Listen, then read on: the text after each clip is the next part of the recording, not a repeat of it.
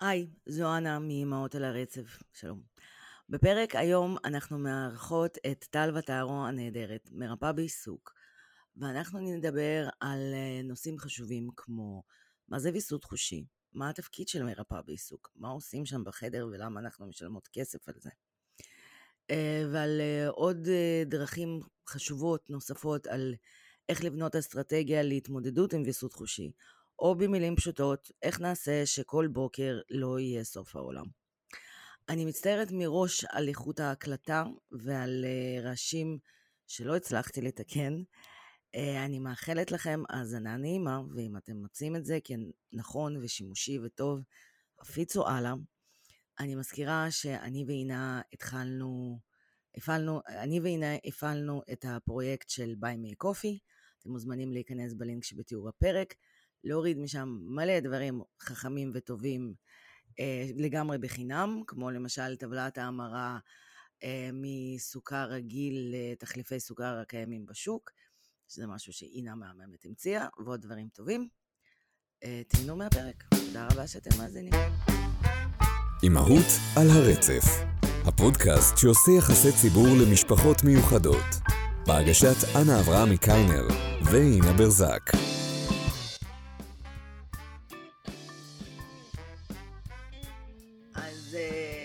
אינה. היי אנה. היי טל. היי.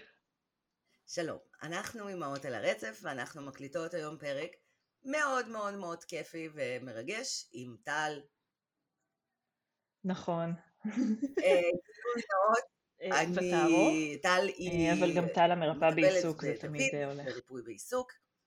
הגענו אליה בשנה שעברה, כשהמרפאה בעיסוק מהגן של דוד יצאה לחופשת מחלה מסתורית ולא חזרה. אנחנו עדיין לא יודעים מה קרה שם. אה, ומצאתי את אה, טל כ...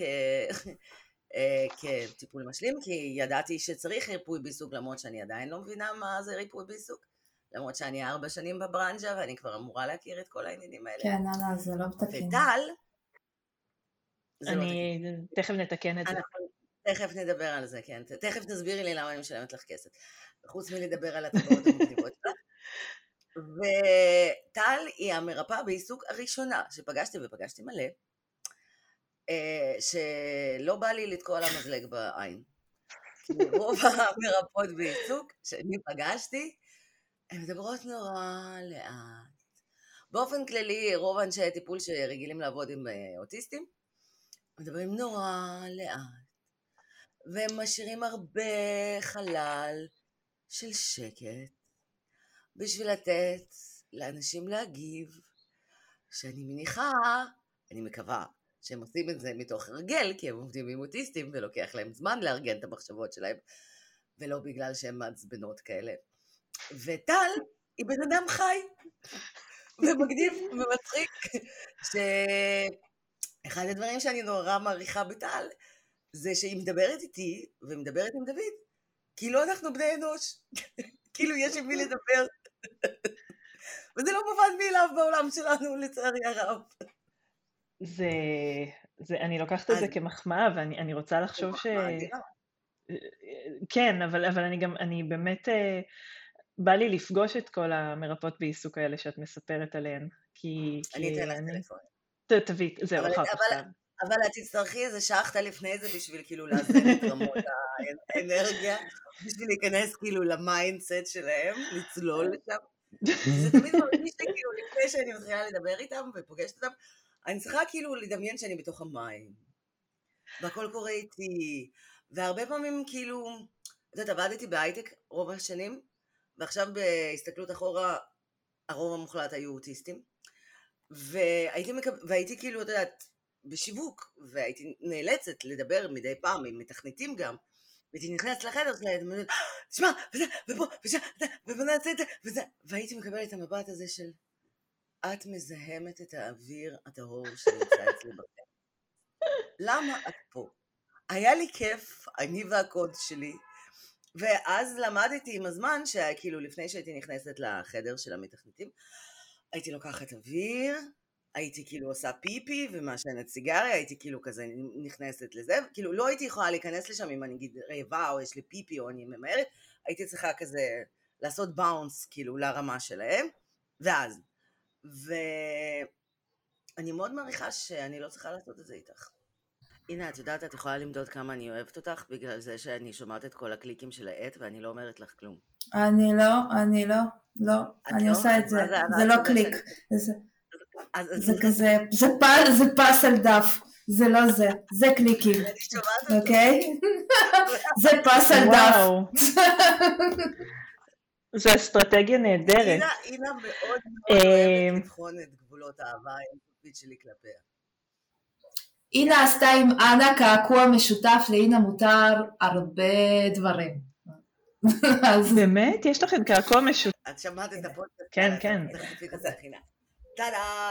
אה, וואו. אצל אנה לא רואים. מתי זה קרה? לפני זהו, שבועיים. אצל אנה? לא, וואו, תתחדשו. תודה. הנה. וואו. הנה. הייתה לי פנטזיה לעשות קעקוע זוגי. ושי לא בקטע של קעקועים, וכל החברות שלי, לא הרגשתי שאני... אמרתי, אני אצטרך לחכות לסתיו ולדוד, אבל אז הנה הציעה את זה. וזה היה באמת, אני חושבת שאינה כרגע מחזיקה את השיא האבסולוטי במתנות הכי טובות ומרגשות שקיבלתי אי פעם מבן אדם. נגיד פעם אחת קיבלתי ממנה מסדרות הביתה לפני שדוד נולד. נכון? Oh my God. לגמרי. Oh my God. הנה זה ללא ספק. אה. בגלל זה אני מוכנה לסבול את זה שהיא מקליקה ביד בזמן שאנחנו מקליטות, ואחר כך אני צריכה לבוא בצורה ידנית וכירורגית למחוק את כל הדברים. אנחנו נתרכז? אוקיי. יאללה, אז מה זה ריפוי דווקא, למה בחרת לבלות את החיים שלך עם אנשים שלא לא רוצים לבלות איתך? ולמה בחרת לעשות את זה? עם אנשים נהדרים.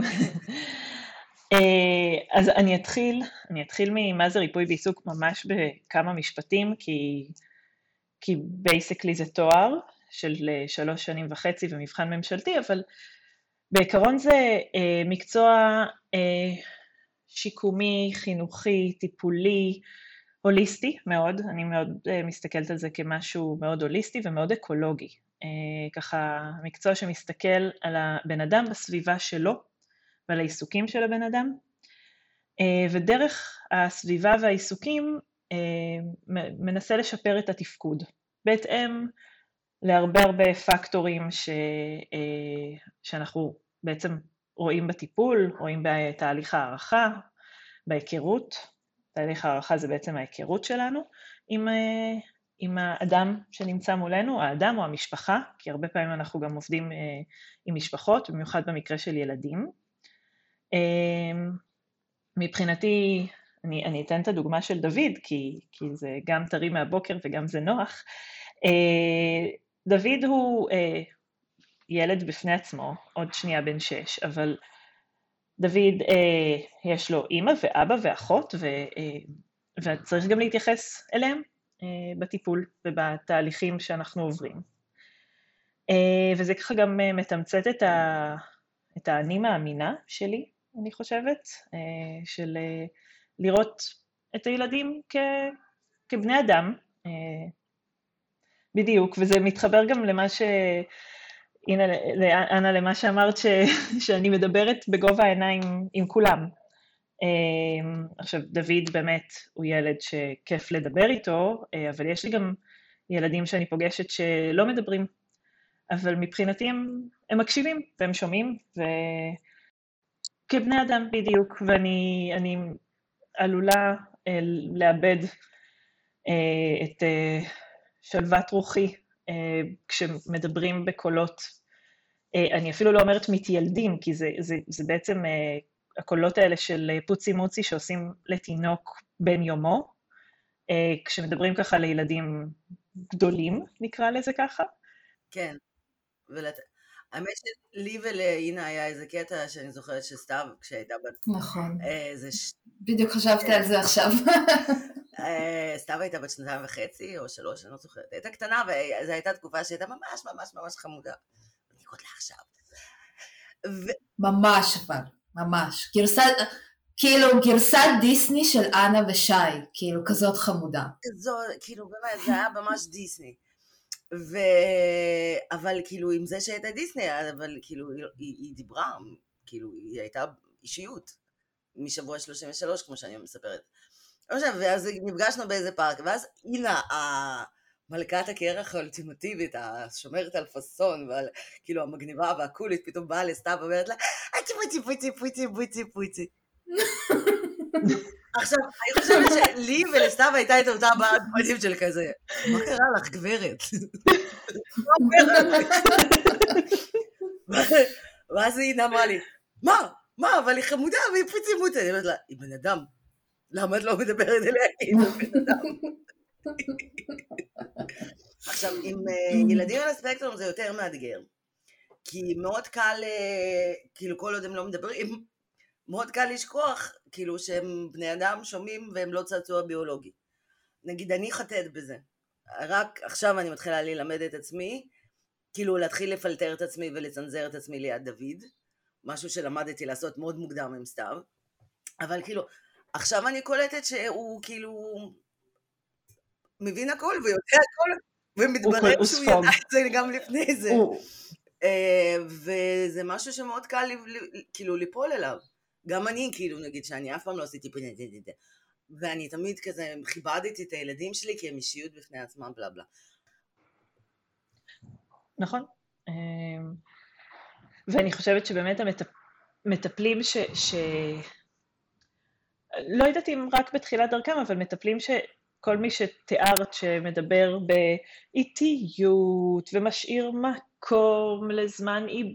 איטי, אני לא יכולה להמשיך לדבר ככה, אמ, זה בעצם, זה, זה אנשים ש, ש, שקיבלו פידבק טוב על, על ההתנהלות הזאת. אף אחד לא העז אף פעם להגיד להם, תפסיקי לדבר ככה. בדיוק, והילדים לא יגידו להם את זה, ואז אז שיר כן, חלל. זה מה שחוקרים עושים, באמת... אה, כאילו, זה מה שחוקרים בשב"כ עושים. הם כאילו שואלים אותך, ואז אתה עונה, ואז הם לא שואלים את השאלה הבאה, הם משאירים חלל, כי אז הנטייה הטבעית של בן אדם זה למלא את החלל הזה, וכאילו להגיד משהו. נכון. אני לא יודעת, אולי זה עושה לי PTSD למיונים לשב"כ שעברתי לפני הגיוס, אבל זה מחרפן אותי לגמרי. זה פשוט מחרפן, זה כאילו... לא, אבל אני חושבת שיכול להיות שהגישה הזאת התפתחה כ... בדורות קודמים יותר, כי פעם אולי ההורים לא היו משאירים מקום ולא היו נותנים, אה, לא היו מספיק קשובים לילדים שלהם והיו מאוד מאוד נוקשים. וזה התפתח כדווקא לתת את המקום הזה, לתת משהו נורא נורא שונה ואחר.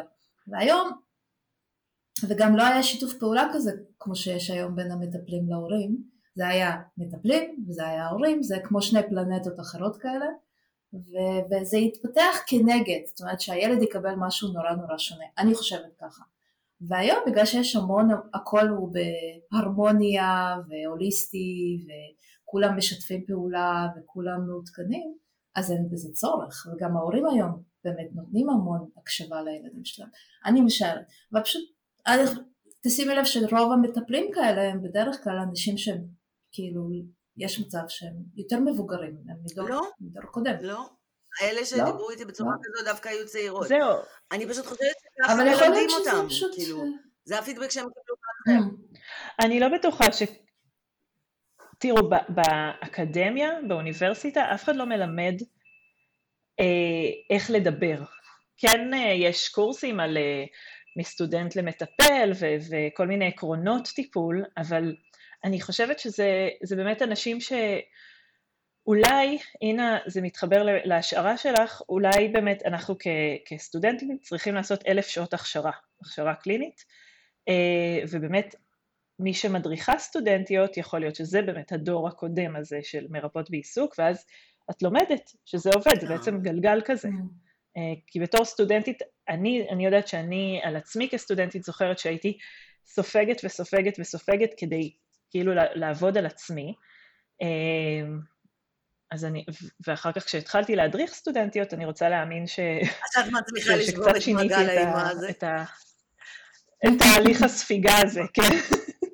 את תגידי מעגל אימה, אני אגיד תהליך ספיגה. הנה, בסדר, אתה איש מקצוע, אני יכולה להגיד מה שאני רוצה, זה יתרון בפוד. ובלהיות הפודקאסט שלכם. אה, אה, איך הגעת אה. למקצוע הזה ואיך בחרת דווקא את זה? אוקיי, okay, אז uh, אני אגיד שבמקור אני רציתי להיות uh, ביולוגית ימית ורציתי להיות מעצבת תעשייתית וככה רציתי גם באיזשהו שלב ללמוד מדעי המדינה ולהגיע לקורס צוערים של משרד החוץ, היו לי המון המון uh, שאיפות. Uh, כשברקע, אני בגיל שלוש הלכתי לקלינאי תקשורת, כי קוראים לי טל, אבל לא, לא אמרתי למד, אז זה היה מאוד אה, מוזר, אז אימא שלי לקחה אותי אה, אז, לפני אי אלו שנים, לא היו בקופות החולים מרכזים להתפתחות הילד עם מטפלים, אז היינו הולכות למטפלת פרטית, ואני זוכרת את זה כחוויה מאוד חיובית. אז קלינאות תקשורת היה כזה הכיוון, ואז אחרי כמה שנים אח שלי גדל והלך למרפאה בעיסוק. אה, כאילו אימא שלי לקחה אותו, שוב, אה, ו, והיה נראה כיף, וואו, הכי כיף בעולם, היה לה כזה ארסל, והיה לה, אה, הייתה לה קורה, ואני ממש זוכרת את זה, כאילו אף אחד אחר חוץ ממני לא זוכר את זה במשפחה. וזה היה נראה שכל מה שהיא עושה זה לשחק עם ילדים, וזה מבחינתי היה כאילו, אני גדלתי, מגיל 12 אני עושה בייביסיטר, ואני מבחינתי רציתי לעבוד עם ילדים, אני, אני אפילו לא זוכרת להגיד מה, ככה מה גרם לי להחליט על ריפוי בעיסוק. Uh, אני חושבת שקלינאות תקשורת, uh, בזמנו התקבלתי במכללת הדסה, שהיום היא מקום נהדר ללמוד, אבל, אבל אז לא היה אישור של המל"ג.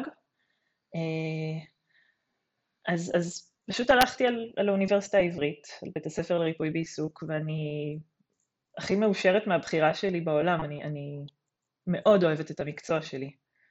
אה, שככה מאפשר לי לשלב הרבה מאוד דברים ש... שאני אוהבת. אז אוקיי, אז בואי אה, בעצם, מה, מה הסיבות, כן, מה בעצם הסיבות המרכזיות שבהן בעצם אה, הילדים מגיעים אליו. נגיד, כשאני חושבת על ריפוי בעיסוק, הדבר הראשון שעולה לי זה, זה מוטוריקה עדינה, חיזוק רצועת כתפיים, אה, שיעורי בית, לעשות מריצה בבית עם הילד, וזהו, זה שלוש הדברים הראשונים שעולים לי לראש. מתקדמת. אני לפני שהבחינו את דוד חשבתי שריפוי בעיסוק זה משהו שנותנים לפגועי נפש לשבת למיין וזה עוזר להם להירגע, כי ככה אני לפעמים נרגעת. נגיד, היה את הסדרה הזאת בורגנים, וקרן מור, הייתה שם דמות שקרן מור שיחקה, והיה לה שם קטע שהיא בערב הייתה יושבת וגוזרת עיתונים. אז כאילו תמיד חשבתי שכאילו ריפוי בעיסוק זה משהו כזה שאתה עושה איזושהי פעולה מונוטונית, כמו במדיטציות של אושו, ואתה דרך זה שאתה עושה איזשהו משהו עם הידיים, אתה נרגע. זהו, אני לא... ואז כשהתחילו לזרוק עליי, הוא צריך עובדת סוציאלית, ורווחה, וריפוי בעיסוק, אמרתי, מה אתם עשיתם עם הילד? כאילו, מה, מה, מה הקשר בכלל? אמ, את האמת ששתיכן אמרתם דברים שהם לפעמים חלק מהמקצוע. אה, אבל בעיקרון אני אגיד שבגדול מאוד ריפוי בעיסוק מדבר על אה, שיפור התפקוד באמצעות העיסוקים המרכזיים של, ה... של הילד, במקקרה שלי. אני עובדת רק עם ילדים. מה, מה? אה, ריפוי בעיסוק של אה, דברים של החיים, של דבר, דברים של יום-יום. בדיוק, של דברים יומיומיים. עכשיו, אני עובדת עם ילדים מגיל הכי צעירים שנה וקצת, אה, ועד אה, כרגע הכי גדול אצלי הוא בן עשר וחצי. אה, אז אם חושבים על מה ילדים צעירים עושים, זה בעצם משחק, ואחר כך אנחנו מוסיפים לזה משחק על כל גווניו, שזה יכול להיות גם משחק ליד שולחן, ומשחק על שטיח, ומשחק מובנה או משחק דמיוני, ועד לבאמת אה, מוטוריקה עדינה, ואנחנו נשכלל את זה ונגיד אה, גרפומוטוריקה, שזה בעצם מוטוריקה של כתיבה, אם ככה בעוד בפשטות, ועד לממש השתתפות, אני, אני חושבת שהשתתפות זה אחת מהמילים הכי חשובות פה, השתתפות בבית ספר, בחוגים, באינטראקציות חברתיות, אה, אני התמזל מזלי ואני עובדת, אה, אני באמת מאוד נהנית מזה, מעבודה עם ילדים על הספקטרום. אה, אז, אז אני חושבת שאינטראקציה חברתית היא, היא ככה תחום עיסוק מאוד משמעותי. ואיך ריפוי בעיסוק נכנס לזה?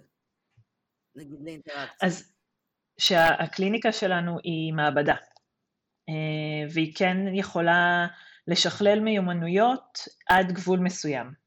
כלומר, אחר כך ההורים והילדים יצטרכו הנה אמרת שיעורי בית, אז אני מבחינתי, נכון, אני גם שולחת תרגילים, גם ראיתי שבשאלות ביקשו uh, ככה המלצות לתרגילים על, uh, uh, לחיזוק חגורת כתפיים, אבל המחשבה שלי שזה יתמוך בזה שילד יוכל לשבת זקוף ולשוחח עם מי שעומד מולו. Uh, וגם אנחנו, אני, חלק מזה שאני מדברת בגובה העיניים זה הרצון שלי לשכלל את המיומנות הזאת של שיח, של אינטראקציה חברתית.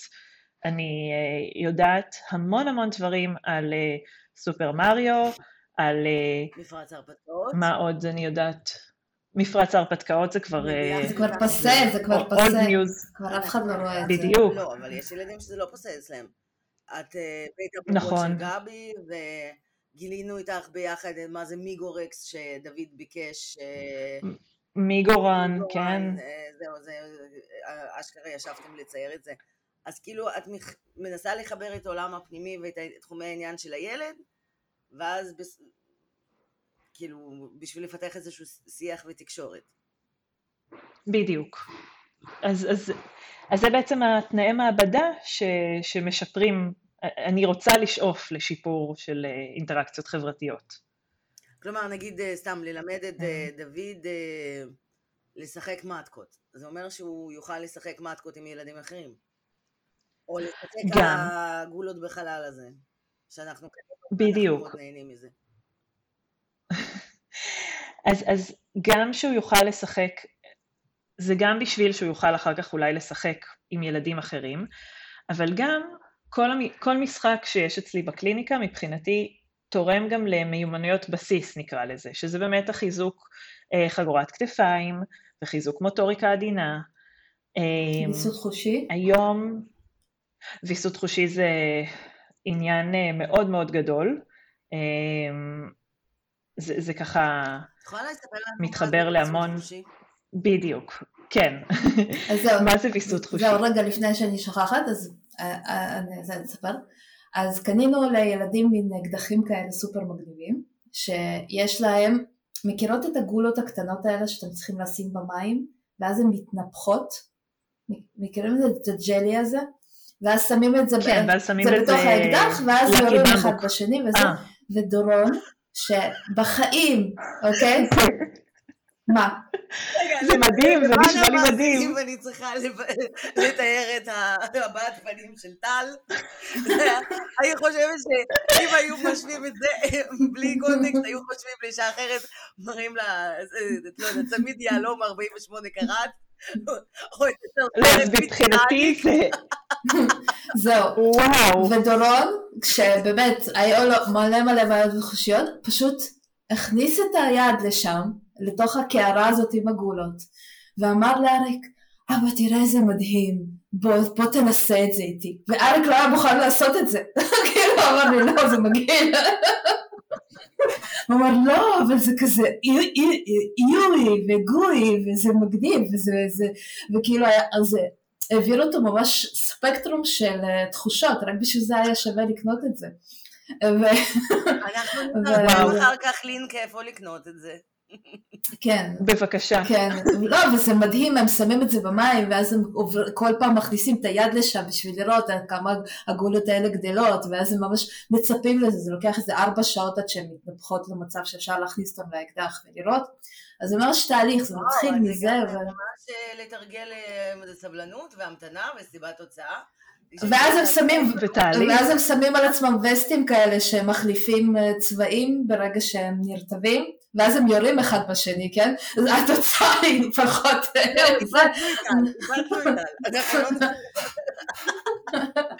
וואו, תקשיבו, זה מדהים. אז אני אשלח לכם, אין בעיה, אבל באמת זה משהו שמאוד... מאוד כיף. אני, אני לא אוהבת אקדחים, אני לא קניתי אקדחים לילדים שלי כשהם היו קטנים. אבל זה, תקשיבו, זה חוויה מבחינה של, אה, כן, זה עושה את הרעש המדהים הזה, ו- כאילו זה מעורר הרבה מאוד חושים ואני אפילו התלהבתי ואני באמת, אני כן רואה את עצמי כבן אדם פציפיסטי אבל זה באמת, זה another level, אז uh, אני בהחלט כן. זה, זה, לא, זה לא אקדח, זה משגר, אה, משגר חושי. משגר חושי בהחלט, כן, כן, לגמרי. אני, אני, אני ממש... אז... אה, מה זה ויסות חושי? כי כשרוב האנשים אומרים ויסות חושי, זה, הם, הם לרוב מתכוונים שנגיד לי יש בעיה לגעת ב... אה, נגיד במשהו שהוא ממשי, אבל לא משי כאילו איכותי. כזה, נגיד, עושים את זה את המפות שב, מפות של שבת, נגיד משהו כזה, אז זה באמת נעמדות לי השערות בכל מיני מקומות. אני, לא, אני לא יכולה לגעת בזה. אוקיי. Okay. אמא שלי נגיד חושבת שאני ממציאה את זה. אבל... אה, לא, לא. אבל זה, רוב...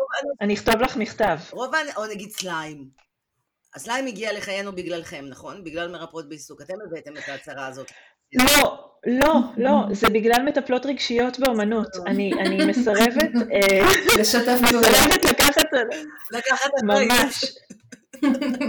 אני, אני, אוקיי, אני, אני אתחיל אולי מווידוי, שאני מרפאה בעיסוק עם הרבה עניינים תחושתיים. אני מגיל צעיר, אימא שלי מספרת שאני לא אהבתי חול אה, בגן, ואני, יש לי זיכרון שאני יושבת עם הסייעת, שמאוד מאוד אהבתי, כי אני לא רוצה להיכנס לארגז חול. אה, ועד היום אני חושבת, אה, אני אוהבת חול בים, לא אוהבת אותו מחוץ לים, אה, או מחוץ לחוף. זה מוזר. בדיוק, זה לא המקום שלו. אה, אני מאוד אוהבת ניקיון, אני מאוד, אה, יש לי אבל לאכול מלאבי, מבחינתי זה אחד הדברים הכי, כאילו, גם אם אני אהיה על אי בודד, אני לא אוכל מלאבי או טפיוקה. טפיוקה מבחינתי זה באמת... או chia pudding. ובמיה... צ'יה זה, זה אני אוכלת אותה ברגע שהיא נכנסת ליוגורט שלי, אני אוכלת אותה מהר מהר כי, כי זה בריא וזה בעיקרון נחמד שזה מתפצח. בדיוק, וכשהיא מתנפחת אז לפח, כאילו מבחינתי. אני לא מבינה, כן, זה כמו שיש לי בעיה עם שמרים, זה נורא מטריד אותי שהם חיים. ואז אני אוכלת אותם, ואז כאילו, אני לא יודעת, לא, זה... הם חיים בתוכך. או הנה, עשיתי לך סריטה שלא ידעת שיש לך, איזה כיף. לא, לא, שמרים, אה, קשה, יהיה קשה מאוד אה, לא לתת לי, כאילו שאני לא אוכל עוגות שמרים, זה לא, אבל בתנור המתים, כן, אתם מודעות לזה, זה הכל כן. ברור, כן? אבל כן, זה כן, עוד ברור. יותר, זה כמו עם הלחמי מחמצת שלך. שכאילו את מגדלת את הדבר הזה שבוע, שמעתי על זה בדיוק. שבוע וחצי, ואז את עושה את זה, ואז את עושה, ואז את מרגישה כאילו כי זה קניבליזם. איך אני יכולה לאכול משהו שאני גידלתי במו ידיי, ולשתי וטיפחתי? סליחה. אבל... לא, זה בסדר, אני, אין לי, אין לי, אני לא... לא, זה בסדר, זה דווקא להפך, זה איזשהו תוצר כזה. אה, של זה- אהבה. זה דווקא של אהבה, בדיוק. זה כמו, של- כמו זה שאת אה, כובשת את הלימונים ועניינים וקימצ'י וכל זה. מה, זה גם? אבל זה לא אותו וזה- דבר. ושם, ושם את אוכלת את זה חי, זה לא עובר בתנור. אם כבר. עכשיו. יש, יש, בזה, יש בזה המון היגיון. זה- אבל בסדר, אה, ידוע שאנחנו, יש לנו יותר חיידקים מ- מהרבה, כאילו, אנחנו רובנו חיידקים, את מודעת לזה, נכון? ברום, כל זה, הוא בעיקר חיידקים, אז אז גם אז איך ככה. החיידקים האלה, איך הם מסתד- למה הם, יש לאנשים שיש להם בעיות במרקמים, ולמה יש אנשים שאין להם? או, אה, זה, אני לא יודעת על קשר לחיידקים לא, שאנחנו, אבל, כן, אבל בואו, אבל קצת הסבר בגדול על, אה, אני מאוד רוצה לדייק שזה הפרעה בוויסות חושי, כי לכולנו כבני אדם יש יכולת לוויסות חושי. אה, ככה אני, הרבה פעמים אה, פונים אליי ואומרים לי, יש לי ויסות חושי. אני אומרת, נכון, גם לי. כי באמת, היכולת שלנו לוויסות חושי היא באמת לווסת את התחושות שנכנסות אלינו מהסביבה. אה, ובאמת הפרעה בוויסות חושי, אנחנו מדברים עליה כהפרעה ולא כמאפיינים תחושתיים או משהו כזה, כשזה מפריע לתפקוד היומיומי. אז באמת, ככה הספרות וה...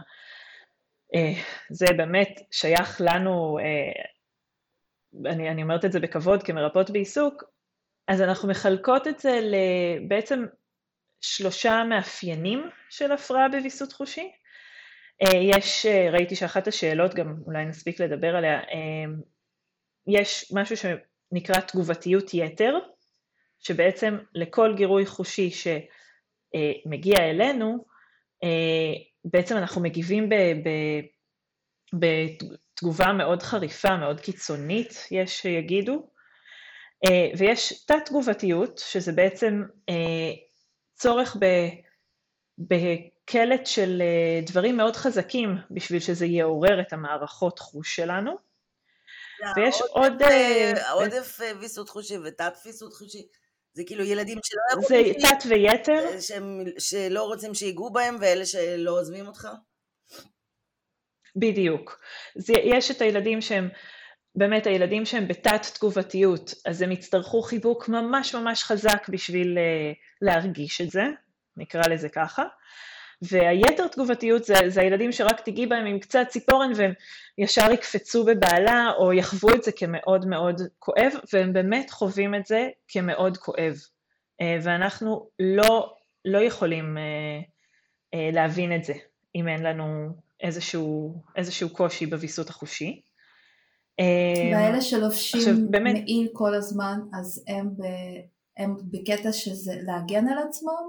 או בקטע של להרגיש?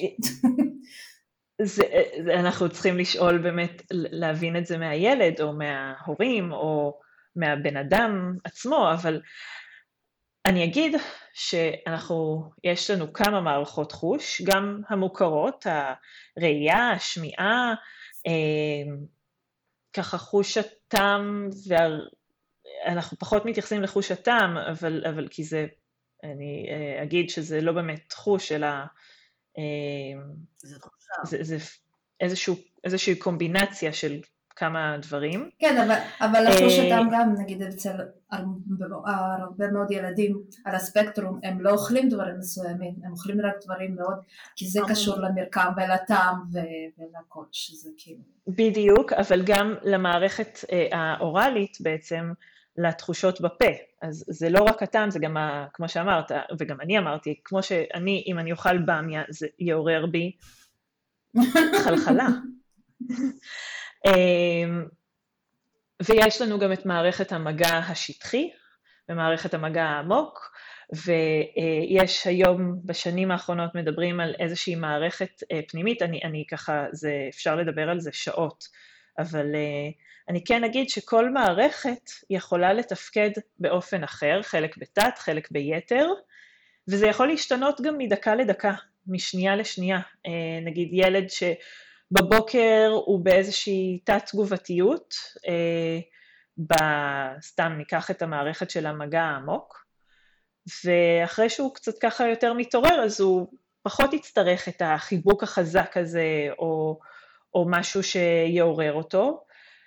אה, יש ילדים שברגע שהם מתעוררים הם ישימו לב לכל דבר שיש מסביבם, ואחר כך כשהם כבר יהיו יותר uh, עסוקים ביום יום שלהם, אז, אז המוסכות הזאת מכל דבר שהם רואים קצת תפחת. זה, זה באמת מאוד מאוד משתנה. אבל זה כמו אה, שנגיד, כשאנחנו הרבה... אוהבים לקום בבוקר, אנחנו נרצה בדים נעימים ורקים, ולאו דווקא משהו לא...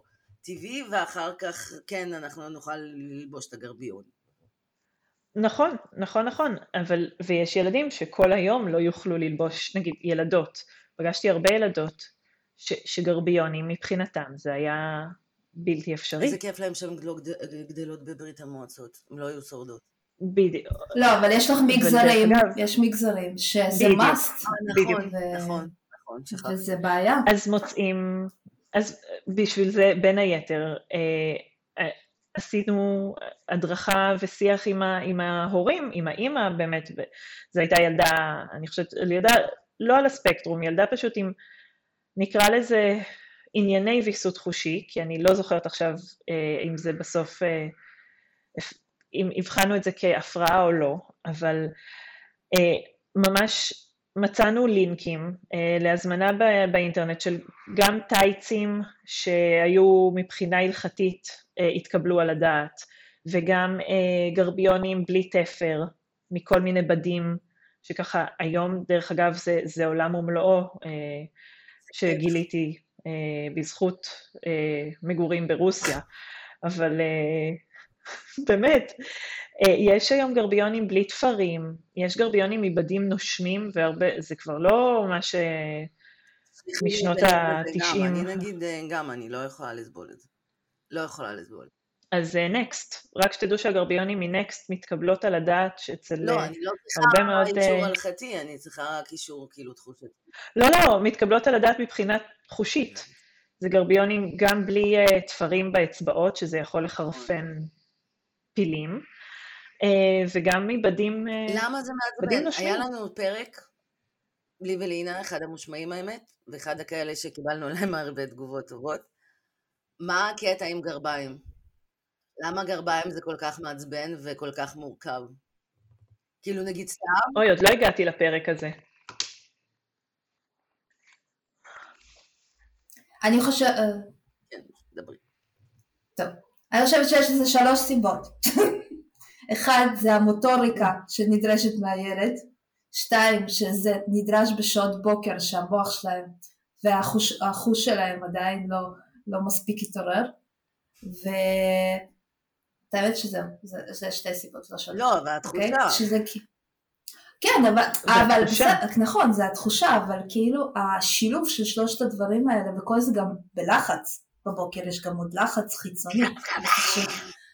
כן, ו, ובאמת, וזה ממש בעיה, אז כששלושת הדברים האלה נהיים, זה נהיה ממש ממש סיפור. אבל נגיד זדורון זה ממש השתפר ברגע שעברנו לגרביים ארוכות, עבות, שחורות, שזה מאוד מאוד ברור לו שזה הגרביים שלו, והם יש, הם לא דקות, שמתי לב שגרביים דקות ממש עושות לו כנראה איזשהו זה, אז הם מבד עבה, והם בד עבה קל יותר לתפוס ולשים על הרגל, והן לא בורחות לו, ופתאום זה נעלם. ברגע שעברנו לגרביים אבות, גבוהות, אה, ומזוהות על ידי דורון, זאת אומרת זה ממש, הוא יודע שזה הגרביים שלו בכביסה והכל, פתאום האישו הזה נעלם. אז אה, הורים יקרים, תנסו. זה באמת... אה, אני, מהפן התחושתי, אני יכולה להגיד שגרביים אבות כנראה הבד יותר מסתיר נקרא לזה, או מכסה על התפרים שיכולים הרבה פעמים לשגע מבוגרים וילדים כאחד. אמ, ו- ובאמת העניין הזה שהן נתפסות ולא מתגלגלות, כי תחשבו על עצמכם, אם גרב מתגלגלת לי בתוך הנעל, אני אעצור ואסדר אותה, אני לא יכולה להמשיך ככה. נכון. נכון. וגם אני הרבה פעמים ממליצה, זה משהו שראיתי בשנים, שנה, שנתיים גג האחרונות, שהרבה, מה שנקרא משפיע, משפיעניות רשת המליצו, אה, זה גרביים שנמכרות בחבילות של 100 אה, גרביים. אה. זה פוליז, נראה כמו... פוליז, כן. פוליז. זה, זה אליפות על, והן גם נוחות. אבל אני לא יודעת, מה קורה כשאת מגיעה לסוף החבילה? כלום, זה, זה סתם, זה סתם, לא, זה הקטע הזה של כשמראים בפרסומת, אוי זה נשלף, אוי זה נשלף, אוי זה כן, כן, אבל באיזשהו שלב זה נגמר. כאילו, מה הקשר? כאילו, מה, מה, מה, כאילו, על מי אתם עובדים? אבל כגרביים, נכון. באמת, כגרביים, אליפות העולם. אליפות. כן, הן איכותיות פשוט, מאוד איכותיות. הן גם איכותיות. הן גם איכותיות. וגם אין להן תפר. אין להן תפר, הן גם אה. מראש, כאילו את יכולה לקנות או בצבע אחד, או שהן מראש לא תואמות. כאילו נגיד לסתיו יש חדי קרן, אז כל אה, גרב יש לה חד קרן אחרת, אז לא צריך לעשות את ה mix and match, שזה גברים המציאו בשביל לבדוק מתי אנחנו נרצח אותם, מה שהיה לי בהתחלה עם שי. והן גם נורא איכותיות, וזה הכל מחומרים ממוחזרים. אה, הנה, אנחנו נפנה אליהם לפרק הזה שייתנו חסות. לא, באמת. מוצר מושלם, וגם יש להם עכשיו אה, כאלה גרביים חמימות עם כאלה נגד החלקה, עם ציורים של צ'יבורש. וואו. עם צ'יבורשקה? עם צ'יבורשקה. אני כל הזמן שוכחת שיש לך את הרקע... שיש לי ידע ברית המועצות. כן, בדיוק. אז מה את יכולה אה, להמליץ? כן, כן, ההמלצה בעצם להורה שמתמודד בבוקר עם אה, גרביים ותחתונים וזה וזה וזה, זה כאילו פשוט למצוא את הסוג הנכון. אז אני חושבת ש... אני חושבת שאינה סימנת פה, אינה סימנה כמה דברים. אמ, דבר ראשון, תחושת שייכות, כי אינה אמרה זה הגרביים של דורון. גרביים או תחתונים או מכנסיים שיהיו מזוהים, זה לא היה בארון של אח שלו, זה לא היה בערימת כביסה של אחותו, דברים שהם של הילד. יש לילד חמש חולצות שאותן הוא אוהב, לכבס אותן בתדירות יותר גבוהה. כנראה שמשהו בחולצות האלה לא מציק כמו החולצות האחרות. Uh, לנסות מראש, אני תמיד אומרת להורים מראש, לנסות לקנות חולצות בלי טיקטים, מבדים נושמים.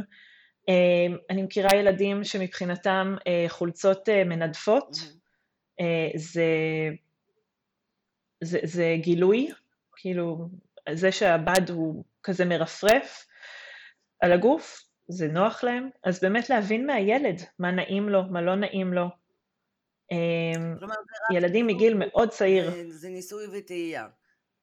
וכאילו גם להבין שזה... זה ניסוי וטעייה. הם לא עובדים עלינו, באמת זה מציק להם. בדיוק, וגם להכין אה, לאפקט, זה מאוד ריפוי בעיסוקי נקרא לזה, אפקט הלחץ בבוקר, מכינים את ה... יש לי המון חברות שאמרו לי, אה, הילדים שלי ישנים כבר עם הבגדים לבית ספר, מהערב לפני, כי... לא, כשהם קטנים גם אצלי זה... זה היה ככה, ברור. כאילו...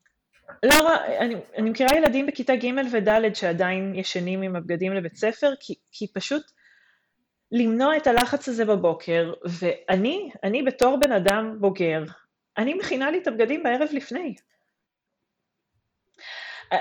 אני אבל גם אה, מה, מה קצת, אה, אני אגיד, אה, אובסס אני אובססיבית למזג האוויר, אז אני גם אבדוק בערב לפני מה יהיה מזג האוויר למחרת.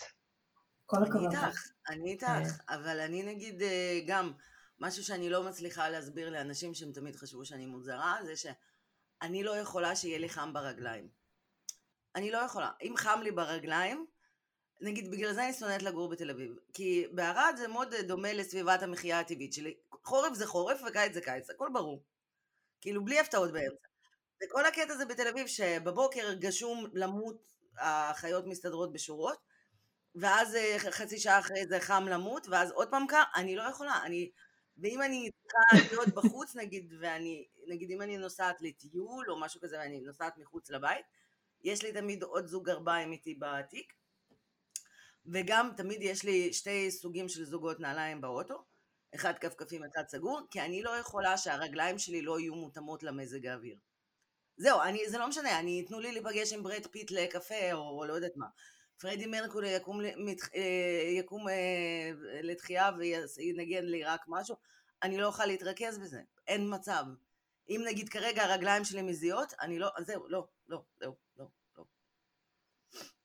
אז, אז זה, זה דוגמה מהממת, כי זה, זה אה, עניין תחושתי, שעשית לו אדפטציה. אה, או מצאת אסטרטגיה שעובדת לך. עכשיו, זה יכול לעבוד לך, אנה, כי את נוסעת הרבה עם האוטו, כי את מכירה את עצמך, כי את יודעת איזה נעליים נוחות לך. ילדים, אם אני משליכה את זה באמת לילדים, הם, הם עוד צריכים לנסות ולהבין, בגלל זה אמרנו קודם ניסוי וטעייה. הורים ש, שככה תמיד מספרים לי, הוא עם אותם נעליים גם אם הן לוחצות עליו ויש חורים מאחורה ומקדימה, כי הוא לא מוכן לעבור למשהו אחר. כי הוא רגיל, כי זה שלו, זה המוכר. איך הוא יודע שהנעל השנייה החדשה תשרת אותו כמו שהקודמת לא שירתה אותו? הוא לא יכול לדעת. בדיוק. אז, אז ככה, זה הרבה חשיפה, אני חושבת שחשיפה זה ככה מונח ש, שמקושר בעבר ל, אה, לענייני ויסות חושי, אה, אבל, אבל אנחנו כן דוגלים ב... אני חושבת ש, שאני, אם לא הייתי נחשפת הרבה לים בתור ילדה, מבחינתי חול עדיין היה אויב הציבור מספר אחת. אה, אבל זה עניין של גם לחשוף וגם זה תלוי הקשר. למה אה, קורה הפרות בוויסות חושי? מה עשינו לא בסדר בהיריון? כלום, זה לא קשור אה, אה, להורים, לגנטיקה, ל... אי אפשר למנוע את זה, אי אפשר לבדוק את זה בדמי שפיר? לא, לא, אי אפשר לבדוק את זה בבדיקות אה, בהיריון או בדיקות גנטיות לפני, אבל כן אפשר אה, מגיל צעיר לראות דברים, אה, תחושות שהילד אה, פחות אוהב או יותר צריך, יש את הילדים שירדמו יותר טוב באוטו, מכירות אותם? בטח. Uh, ההורים שמספרים שהם יוצאים לנסיעה לילית נכון. כל ערב להרדים את הילדים. אז זה באמת ילדים, לא, לא דיברתי קודם על כל המערכות, אבל יש לנו את המערכת הווסטיבולרית, שהיא נמצאת, האיבר החישה שלה הוא נמצא בתוך האוזן, והיא אחראית גם על שיווי משקל, וגם על ה... זה לא רק האיבר הזה, אבל יש גם מערכת שבעצם ממפה איפה איפה אני נמצאת במרחב. נגיד, בגלל זה בדיוק. אני לא יכולה לנסוע עם הגב קדימה באוטובוס או בנסיעות. אני מקבלת נכון. בחילות. יש הרבה, נכון, הרבה נכון. מאוד אנשים לא יכולים, זה יעשה להם ישר בחילה. בדיוק, או אני, אני ממש קשה לי על, על סירות בים. אמ, אז, אז זה גם האיבר הזה וגם המערכת חוש הזאת, אבל גם ה, אה, הילדים האלה ש, ש, מגיל ממש צעיר אומרים שהם צריכים איזשהו גירוי יותר משמעותי למערכת הזאת. אז באמת אפשר, אה, הילדים האלו אה, יצטרכו איזשהו נדנוד יותר משמעותי לפני שהם הולכים לישון. ואז אחר כך אולי זה יעזור, זה שחשפנו אותם בתור תינוקות, אולי זה יעזור אחר כך לפתח איזושהי אסטרטגיה ל- ללכת לישון בצורה שיותר מיטיבה איתם. כי הם באמת צריכים את זה, הם צריכים את הגירוי הזה למערכת הזאת בשביל ככה להשקיט אותה וללכת לישון, לאותת למוח שעכשיו הולכים לישון. רגע, יש לי שאלה.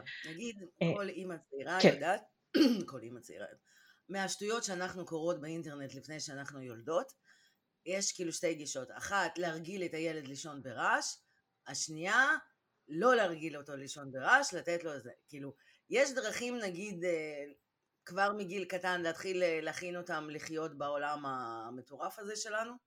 כי נגיד, עד שסתיו הייתה נרדמת, אני לא הייתי חושפת אותה לשום רעש, כי היא לא הייתה נרדמת אף פעם. והיה לי ממש שיחה על זה עם המשפחה הפרסית של בעלי, שאומרים, סליחה, הנה כל הילדים ישנים ברעש, את צריכה שהם יהיו רגילים לישון ברעש. וחמתי אמרה כזה, חמתי המהממת, הנסיכת, האפייה מסרטי דיסני, כן? אמרה לי, הנה, אנחנו משפחה גדולה, היא צריכה להתרגל, אנחנו משפחה גדולה, צריך לישון ברעש. אמרתי לה, יש לך ארבעה ילדים, כולם אותו דבר? היא אמרה לי לא. אני אומרת לה, אז אל, ת, כאילו, אל תכניסי את הבת שלי לזה. אז השאלה היא כאילו, איך אנחנו יכולים לעזור לתינוק לגלות את העולם הזה, ואולי כאילו, נגיד גם שאלה לאחר כך, האם ויסות חושי יכול כאילו להסתדר, או... אין לי משהו גורף להגיד בעניין הזה. אמ, אני חושבת שזה באמת תלוי, אה, תלוי ילד ותלוי הורים ותלוי אה, דרך חיים. יש, יש, אה, ניקח קיצוני, כאילו קיצוניות אחת, יש הורים שחיים בככה חוות בודדים, אז כל היום יש שם שקט, ואז אה, הילדים מאוד רגילים לזה, וכנראה לא יירדמו ברעש של אה, מרכז תל אביב. Mm-hmm. ויש ילדים שגדלים במרכז תל אביב וירדמו בכל סיטואציה אפשרית. אני כן אגיד שכבר היו לי כמה ילדים אה, שעל הספקטרום, שההורים שלהם סיפרו שבזכות היכולת המופלאה של ילדים על הספקטרום לעשות איזשהו שאט דאון ולהתנתק מכל הסביבה, הם היו נרדמים בכל כן. מקום אפשרי. עכשיו באמת, יש לי, אה, אני, יש, אני, סיפור שככה לא, לא עוזב אותי וזה סיפור מדהים. ילדה שההורים שלה כל הזמן מספרים אה, ש... שהם היו יוצאים לפאבים, כאילו היא הייתה ישנה בעגלה בפאבים רועשים, מוזיקת מטאל, וכאילו, הילדה ישנה. לא, אמ, הם לא חשבו שמשהו לא בסדר עם זה, הם חשבו שפשוט הם היא הייתה מאוד מאוד צעירה, הם היו הורים צעירים. לא, לך, לא, לא חשבו ש... זה כאילו קטע של סוג של טריגר, אני זוכרת שאני ילדתי את סתיו, ויש לנו זוג חברים שגם נולד להם ילד, ואני הייתי כזה כולי בדיכאון אחרי לידה, וסתיו לא ישנה, והם כזה נסעו לניו זילנד. ודיברתי עם חבר משותף, ואני אומרת לו, אוי, ילדים זה קשה, ודיכאון, וזה, ורע, ולא ישנה, הוא אומר לי, למה את לא יכולה להיות כמו גל ונועה? תראי, הם uh, פשוט להיות, uh, לוקחים את זה באיזי, והם נסעו לניו זילנד, והם מצלמים את הילד ישן על הסלע, או אה, ישן, אני לא יודעת מה, אה, באמצע טקס פגאני אה, כלשהו. למה את לא יכולה להיות מגניבה כמו גל ונועה? למה? למה? כי כל ילד הוא אחר, בלי... אני, חוזרת לחלק השני של השאלה, דברים שיעזרו לנו אולי לגלות ולמפות, זה באמת רק עניין של להכיר את הילד. אני כן חושבת ש, שילדים, ברגע שאנחנו אה, אה, מנטרלים את כל מה שהסביבה אומרת לנו ומייעצת לנו, ודוקטור גוגל, mm-hmm. הידוע לשמצה, יש להורים, לרוב המוחלט של ההורים יש אינטואיציות מאוד נכונות. אני, אני די מהר מבינים מה, מה הילד צריך. כן. ואחר כך בהסתגלות, יש בעצם, כמו שסיפרת את, אנה, על העניין עם הנעליים, זו אסטרטגיה נהדרת. אנשים עם קושי בוויסות חושי שככה רעש מאוד מפריע להם, יבחרו בתור מבוגרים, כנראה בסביבת עבודה יותר שקטה, אולי עבודה מהבית, היום יש כל כך הרבה משרות שאפשר לעשות מהבית, uh, או אנשים שצריכים תנועה, יש הרבה אנשים שפשוט צריכים תנועה, נכון. ש... דרך אגב, רציתי להגיד גם קודם, הפרעה בוויסות חושי הרבה פעמים מגיעה יחד גם עם ASD, אבל גם עם, עם הפרעת קשב וריכוז. אה, לפי מה שבזמנו, אז באמת הילדים האלה... התקשורת המהוללת שלנו, אולגה אמרה שוויסות חושי. זה הרבה פעמים איזשהו בסיס להרבה הפרעות אחר כך, כלומר זה איזשהו... הבסיס, יש איזושהי בעיה בוויסות חושי, שה... אחר כך עליו מתלבש אוטיזם, ואחר כך עליו מתלבש ההפרעה. הרבה פעמים קשר, אה, ומונח אה, שלמדתי לאחרונה, היערות משותפת, זה אומר שהדברים האלה מופיעים ביחד, אה, אבל, אבל אצל תינוקות אנחנו נראה, דבר ראשון, את העניינים החושיים. כן. אז אם ההורה שם לב שהילד נרדם רק ברעש, או רק כשעוטפים אותו ממש חזק, או צריך שיחבקו אותו מאוד חזק, או להפך, לא אוהב שיחבקו אותו מאוד חזק. אז זה כאילו צריך להדליק אצלו איזושהי נורה, וזה יכול להיות איזשהו סימן מקדים וללכת אה, לנסות, נגיד, למרפאה בעיסוק. זהו, אז אני אגיד שאם כל ההורים שהילד שלהם נרדם רק בנסיעה יגיעו למרפאה בעיסוק, אנחנו, לא יהיו לנו תורים לעולם. יש הרבה מאוד אנשי מקצוע אה, שיכולים לעזור בתחום הזה.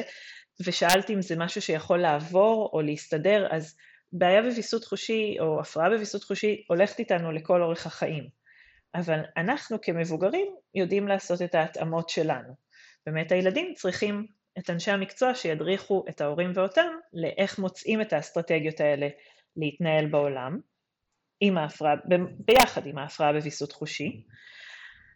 אבל כן אני אגיד שהיום אחיות בטיפת חלב אה, מאוד מודעות, ויש אה, הרבה מאוד אה, ככה... אבל זה בעיקר גם משהו שנורא חשוב להבין, שגם החיים המשותפים עם אותו ילד יהיו יותר נוחים. נגיד, אני זוכרת שלמדתי ייעוץ שינה, אז mm-hmm. המדריכה בשיעור הראשון אמרה לי, שאלה אותנו, איך אתם מרגישים כשאתם, איך אתם יודעים שאתם עייפים? אז אנחנו אמרנו, אני, איך אתם יודעים שאתם רוצים לישון? אני עצבנית, אני לא מרוכזת, אני זה, אני כאילו גם רגישה בעור קצת וזה. ואז איך את יודעת שמה שאת מרגישה זה עייפות ומה שיפתור אותה זה ללכת לישון? ניסיון. ולתינוקות פשוט אין, הם לא יודעים מה קורה להם, הם לא מבינים שהדבר המציק הזה באזור של האגן, אם הם יעשו פיפי זה יחלוף. נכון. ואם הם ילכו לישון הם ירגעו. והבירור הזה, כי להגיד להורה עם תינוק, פשוט יש לי חברה שילדה השבוע, אז כאילו פתאום הציף לי את כל, ה, את כל התקופה הראשונה הסיוטית הזאת. כאילו, ההורים לא, לא תמיד מבינים מה, מה התינוק מרגיש, והם כאילו שוכחים שהתינוקות לא יודעים, הם פשוט לא יודעים והם לא יודעים מה קורה להם.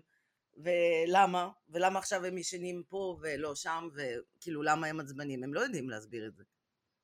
וגם לכי תגידי לאימא שהיא אה, אה, לא ישנה כבר כן. כמה חודשים, אה, תנסי לשים לב, ת... כן. לא. או לכי אה... תקחי את הילד שלך לבירור. נגיד, אני זוכרת גם, יש לי קרובת משפחה שילדה קצת אחריי, היא ילדה תאומות, והיא שלחה לנו כאלה תמונות שהילדה כאילו כמעט יושבת, מחזיקה את עצמה וזה, כאילו אחרי שבוע. אז אה, וואו. שלחתי לה בפרטי, אמרתי לה, תקשיבי, את צריכה לבדוק את זה. יש לה בעיית טונוס. ולבעיה הזאת, לילדה הזאת עכשיו, כאילו, יש בעיות ויסות חושי. היא לא יכולה להיות בים. היא, איך שהיא יוצאת מהמים, היא חייבת להחליף בגדים. באותו שנייה, אם היא לא מחליפה בגדים, זה צרחות, מוות והכול. ועכשיו, אגב, הבחינו אותה עם הפרעות קשב. זה בדיוק מה ש... שאמרתי, שזה, יש שותפות בין ההפרעה בוויסות חושי והפרעות קשב, אבל אין תרופה לזה. באמת, הילדה הזאת, ההורים יודעים את זה כבר, אז לוקחים לים מגבת. אבל אם הוויסות חושי, נגיד, אז למה הולכים למרפאה בעיסוק, אם אי אפשר לפתור את זה? אה, כדי ש, שנוכל, שהילדים יוכלו לחיות באיזושהי, אה, אה, נקרא לזה, רווחה תחושת רווחה אישית. well-being באנגלית, אבל להיות באיזשהו טוב, כי, המר... כי ההורים, כמו שאמרנו, לא תמיד יודעים לשים בדיוק את, ה... אמ, את האצבע על מה שכרגע מפריע לילד ואיזה אסטרטגיות יוכלו לעזור לו. ומרפאה בעיסוק, כן בתור מישהי חיצונית, בתור מישהי שיש לה הכשרה בדבר, שיש לה שאלונים שככה עושה מיפוי של המערכות חוש ושל התגובתיות, אה, תת-תגובתיות, יתר תגובתיות יתר, אמ, ובעזרת שאלונים וטיפול אה, או הדרכה שמבוססות על ראיות מחקר, מבוססות על לימודים, על ניסיון, אה, יכולה מאוד לשפר את איכות החיים ואת היכולת של הילד להשתתף.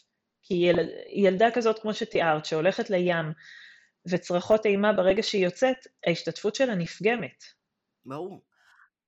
אז איך, אז איך מרפאה, נגיד, עזבי את הילדה הזאת, איך דוד משתפר כן. אחרי שהוא הולך אצלך? נגיד, מאז שהכרנו אותך, את הצטרפת לעוד צוות A-Team, באמת, לדוד יש צוות, וואו, הלוואי על כל ילד. אבל אה, איך זה שהוא משתפר, אם זה לא משהו שבר תיקון? נגיד, הוא השתפר, הוא השתפר ב...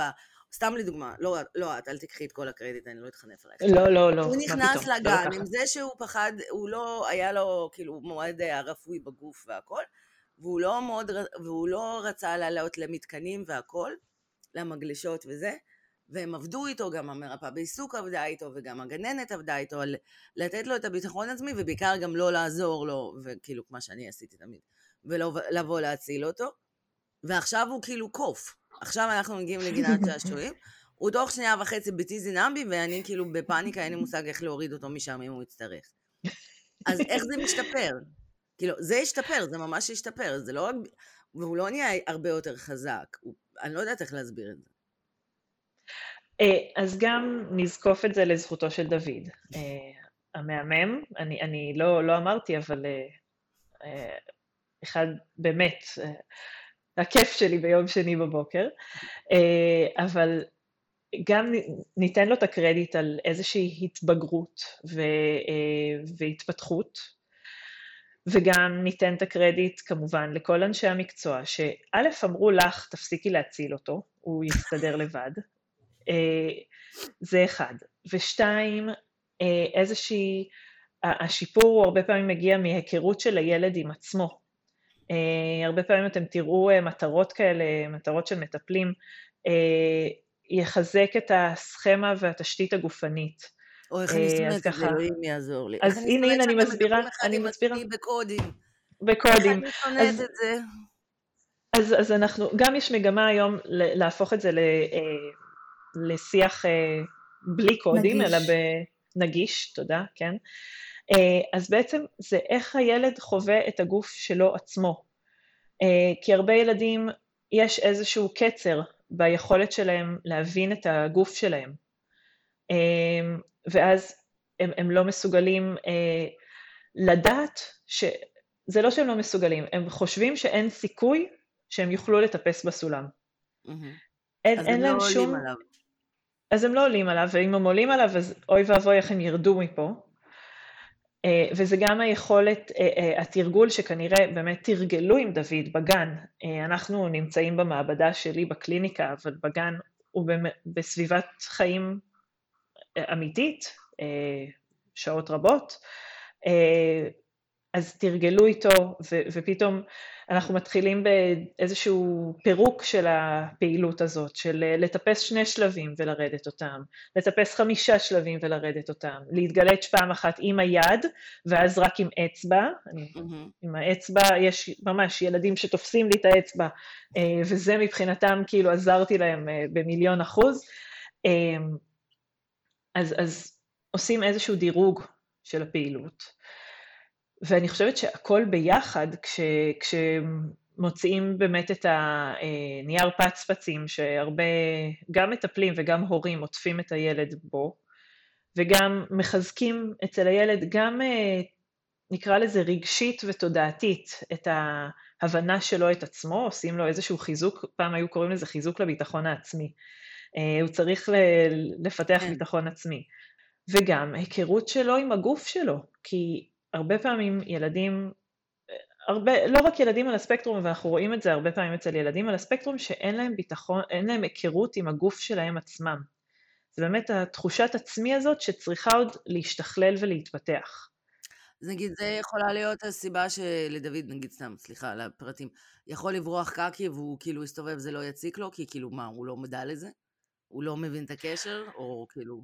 זה לא שהוא לא מבין את הקשר, זה, זה קצת מתחבר גם לענייני ויסות חושי של... אה, פחות מפריע לו לדעתי. בדיוק, זה לא, הוא לא, הוא פחות, הוא מרגיש את זה אחרת מאיך שזה מרגיש אצל, אצל אחרים.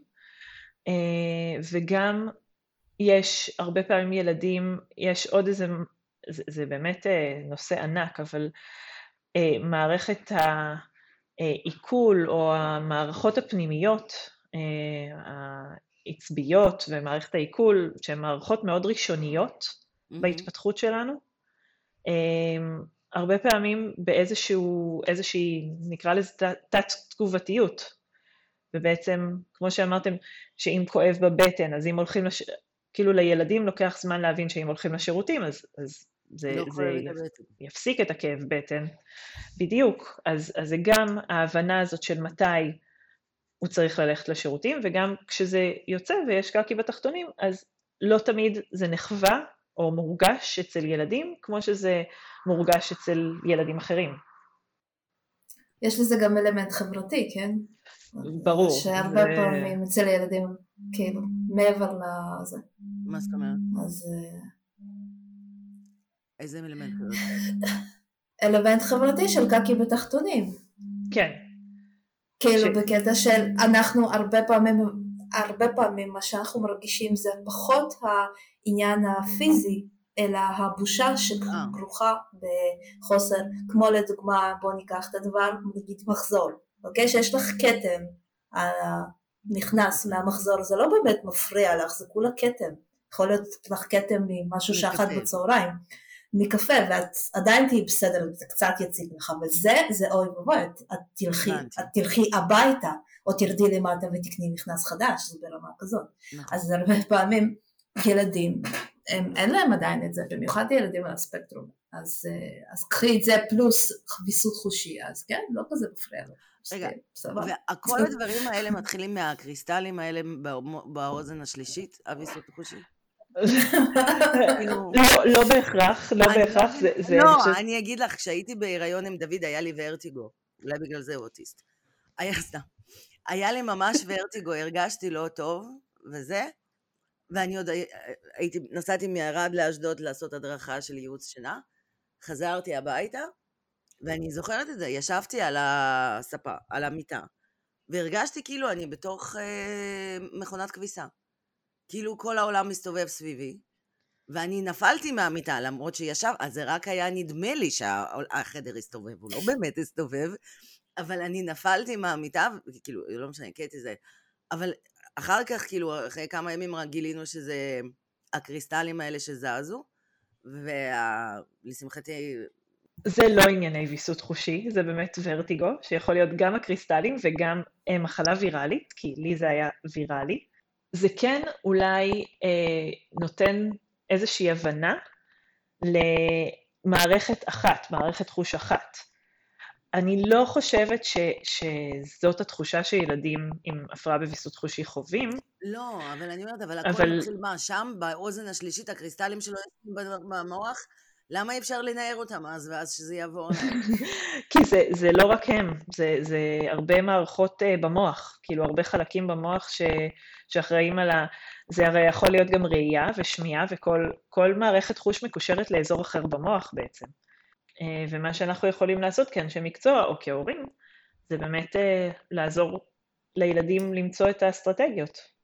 אז בעצם ככה אם אנחנו נסכם ממה שאני מבינה זה בעצם חשיפה חשיפה במינונים, כמו אלכוהול, אלכוהול אה, למבוגרים. חושפים במינונים ואז זה נהיה טעים ומגניב. אז... כן. אה, אפשר להתחיל בגיל שנתיים. לא לילדים. נכון.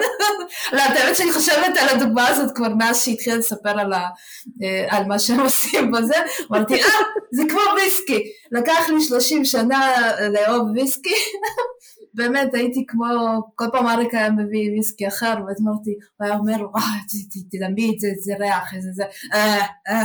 ואז משהו קרה פתאום, באמת בכמות הפעמים שטעמתי, ואז פתאום משהו קרה, ואמרתי, וואו, איזה יופי, איך, איך לא התחלתי, אז... אה, זה כמו סושי או תה ירוק, זה משהו לא טעים שאתה מתמכר אליו בהדרגה.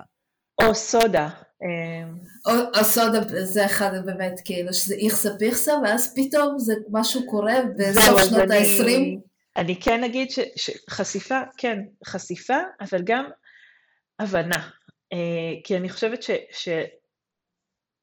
להפוך את זה למשהו מאוד שטחי של הילד לא אוהב חול, בואו נלך לים כל יום מבוקר עד ערב, זה לא, זה, זה לא חשיפה נכונה. ופה באמת נכנסות מרפאות בעיסוק, אה, ש, שמדריכות איך לחשוף.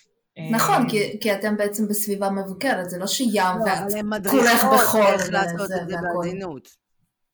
בדיוק. נכון. אני כן, אני כן אגיד ששאלו, אחת השאלות, אני חושבת הראשונה ששלחתם לי, זה באמת מהי, מהי דיאטה סנסורית, שזה כן, משהו... כן, רציתי לשאול, לא, לא שמעתי את המושג הזה אף פעם.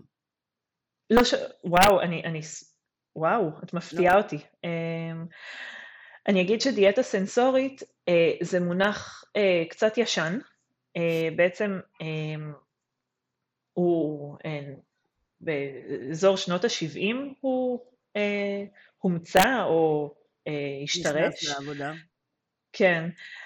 בעצם פעם ילדים עם בעיות בוויסות חושי, הפרעה בוויסות חושי, הייתה איזושהי דעה רווחת שצריך לעשות ממש חשיפה מבוקרת בתנאי מעבדה אה, לגירויים חושיים מסוימים, שיעזרו להם אחר כך להיות אה, יותר מבוסתים. עכשיו, אנחנו כבר כמעט ולא לא משתמשים לא במונח ולא בטכניקה הזאת של ההברשות. אני יותר מאמינה, זה האני מאמין של, אני מאמינה שלי, אבל אני, אני חושבת שזה די משהו רווח בקרב מרפאות בעיסוק, מרפאים בעיסוק, שהיום אנחנו מאמינים בסדר יום תחושתי. Mm-hmm. שאפשר לתת לילדים את הגירויים האלה שהם צריכים באופן אה, מותאם אליהם ולמסגרת החינוכית ו/או הביתית שלהם ובהתאם לסביבה שלהם.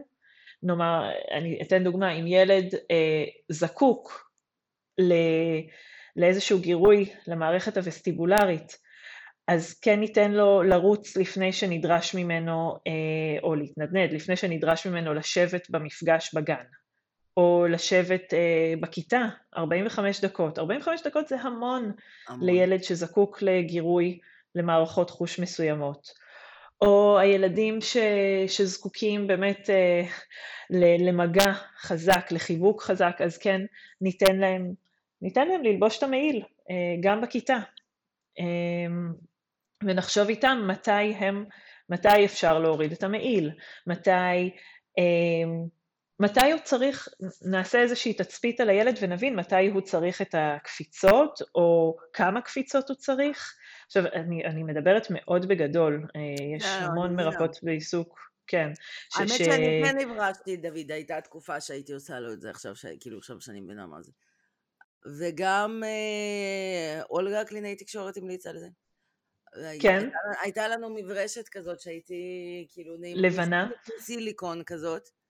כן. והייתי עושה לו כזה, נעים, אבל אני חשבתי שזה מרגיע אותו, אבל כאילו, זה מפעיל כאילו בצורה עדינה את כל הרצפטורים? כאילו? רצפטורים, כן, זה גם מרגיע, בואו תחשבו, אם עושים לנו קיצי בראש, בגב, זה, זה, זה מאוד מרגיע, אבל הרעיון הוא שהדיאטה הסנסורית הפרופר, זה ההברשות האלה בכיוון מסוים, בעוצמה מסוימת, וככה וככה פעמים ביום, אז כבר פחות עושים את זה. אם יש ילד שההברשות האלה ירגיעו אותו ויווסתו אותו, אם זה משהו שישקיט את המערכות לפני שהולכים לישון, אז, אז אני בעד כמובן. אמ, אבל, אבל אני לא, אני חושבת שהיום יש גם הרבה יותר, אה, נקרא לזה אמצעים. המברשת הזאת היא מאוד לא, לא תפקודית, היא לא שייכת לעולמם של הילדים. חושבת שיש נכון, היום זה כאילו הרבה סתם, יותר... זה, זה לא מקושר לשום דבר. המוח לא מצליח בדיוק. להבין למה עושים את זה. למה, מה, למה אני עושה גם, את זה? גם יש, אם ילד בן אה, שש וחצי בכיתה א' יגיד, סליחה שנייה, אני צריך לצאת אה, להבריש את היד שלי. אה, זה, זה לא, זה, שוב, אני, אני חוזרת רגע לכתמים שדיברנו עליהם, אבל, ולאופן בו החברה תופסת, אז דבר ראשון, כאילו, מה אכפת לחברה, כאילו, מה אכפת לי ממה לא, שהחברה אבל חושבת, רואה אבל אני, אני רואה כל מיני שרשרות סנסוריות, שזה משהו שאנשים כאילו כן יכולים לשחק עם זה בפה. בדיוק, לא, אבל זה, השלוש- אבל, אבל בדיוק, אבל הם משחקים בזמן, בזמן הזה, בזמן שהם ממשיכים בפעילות, או שיש לך את בדיוק. הקוביית fidget ים הזאת, שיש עליה. כפתורים, וכל מיני פיצ'יפקס אגב, וזה. לסתיו זה מאוד עוזר. סתיו זה מאוד עוזר בכיתה. נכון, אה, כן, ספינרים, נכון, כי זה, בדיוק, ספינרים וזה, זה קובייה כזאת סופר מגניבה גם, ו... כן, או שאני, נגיד הקטע הזה אצלי, עם ה... אני חייבת, כי זה שומר לי על הריכוז, אני, אני חייבת את זה, זה אני במקום מה ש- בשבילך. אני מקריבה אני פה. מכילה את זה, אני-. אני- רוצה ממני? אני אמרתי לך, אני ביקשתי ממך לא לנשום, לא להקליט, להקליט עם האור. אז, אז אה, ברגע שאנה אמרה לי להפסיק להתעסק, אז אה, אני לא אראה לכם את הציפורניים שלי עכשיו, מזל שיש לי תור לאשת. הציפורניים הנהדרת שלי. לא, הכל בסדר, אה, אני יודעת מה, אחרת הייתי מוצאת לי פה. חסר לי דברים בקליניקה שאני יכולה להתעסק בהם שלא עושים רעש. יש, יש הרבה דברים ש... הייתי צריכה להגיד זה- לך. זה- תכיני, כן, לא, לא חשבתי על זה. אה, אבל הרעיון הוא שבאמת, אם אני מסכמת, אז השיח עם, עם איש או אשת מקצוע, אה, מרפאים בעיסוק, או יש גם אה, מנתחי התנהגות שהיום כבר יש להם ידע נרחב בנושא, על התאמות סביבתיות, וכמובן הכל נעשה ב... אני רוצה להגיד, שוב, אמרתי את זה בדרך אגב, אבל חשוב מאוד למצוא איש מקצוע שא' מתחברים אליו, כן. כן. ענת, נתת את הדוגמה ש, שיצרת לעצמך אה, איזשהו A-Team כזה, אבל, וב' מישהו שהוא מקצועי, אה, שלמד, ש, שככה נשען על, אה, על ראיות מחקריות אה, ועל ניסיון, כי, כי מחקר זה ניסיון, בין היתר. זה מאוד מאוד חשוב, וככה לא, לא לסמוך רק על דוקטור גוגל.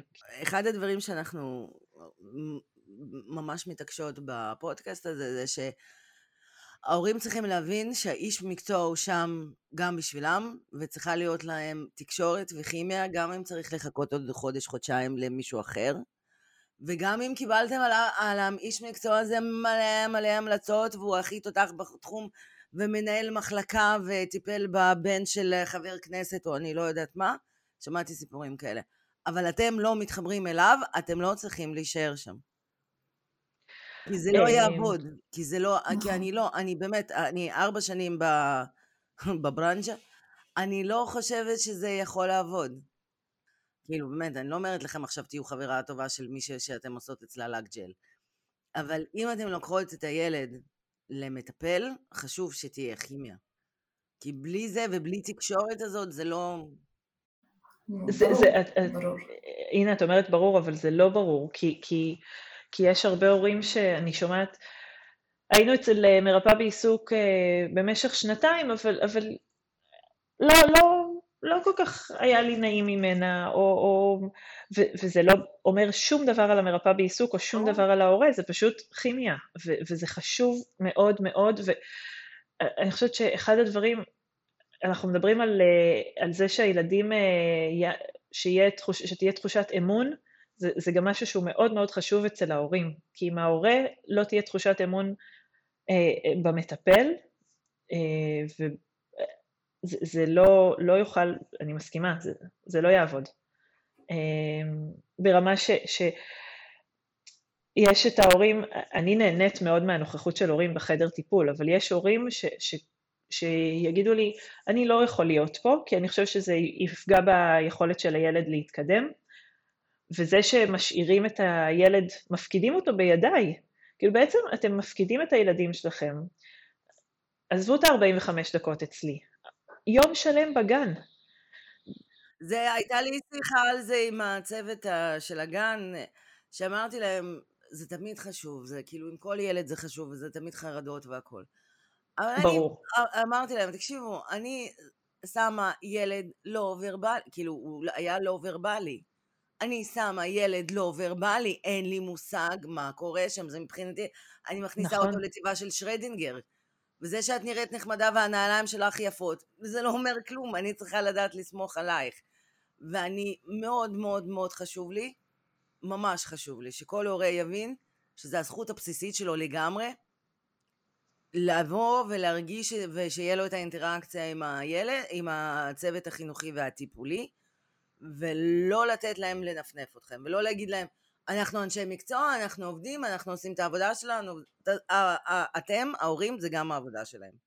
כן, אה, הכל חייב להיות בשיתוף וב... אה, אני חושבת, כבוד הדדי. אה, כן. של מה, מה ההורים מרגישים וגם מה הצוות מרגיש, כי באמת הצוות פוגש את הילדים כל יום, חל, חלק מהצוות החינוכי פוגש את הילדים כל יום לאורך הרבה שעות. להרבה יותר שעות אה, עירות ממה שאנחנו רואים אותם. בדיוק, בדיוק. אה, אז חייב להיות, חייבת להיות תחושת כבוד. אה, וואו, תקשיבי, זה היה כיף. יש משהו שלא דיברנו עליו? יש שאלות, ככה, ביקשו שתי שאלות אה, שהיו טיפים לוויסות של אה, יתר תגובתיות של מערכת רכישה, אז אני, אני ככה חושבת שזה באמת דורש אה, טיפול ריפוי בעיסוק או התייעצות עם מרפאה בעיסוק, אבל דיברנו על זה הרבה, יחסית. וכאילו כל מקרה לגופו בסופו של דבר. בדיוק. טיפים לעבודה על מוטוריקה עדינה, גם, אני יכולה לדבר על זה הרבה מאוד, אני יכולה לדבר על זה הרבה.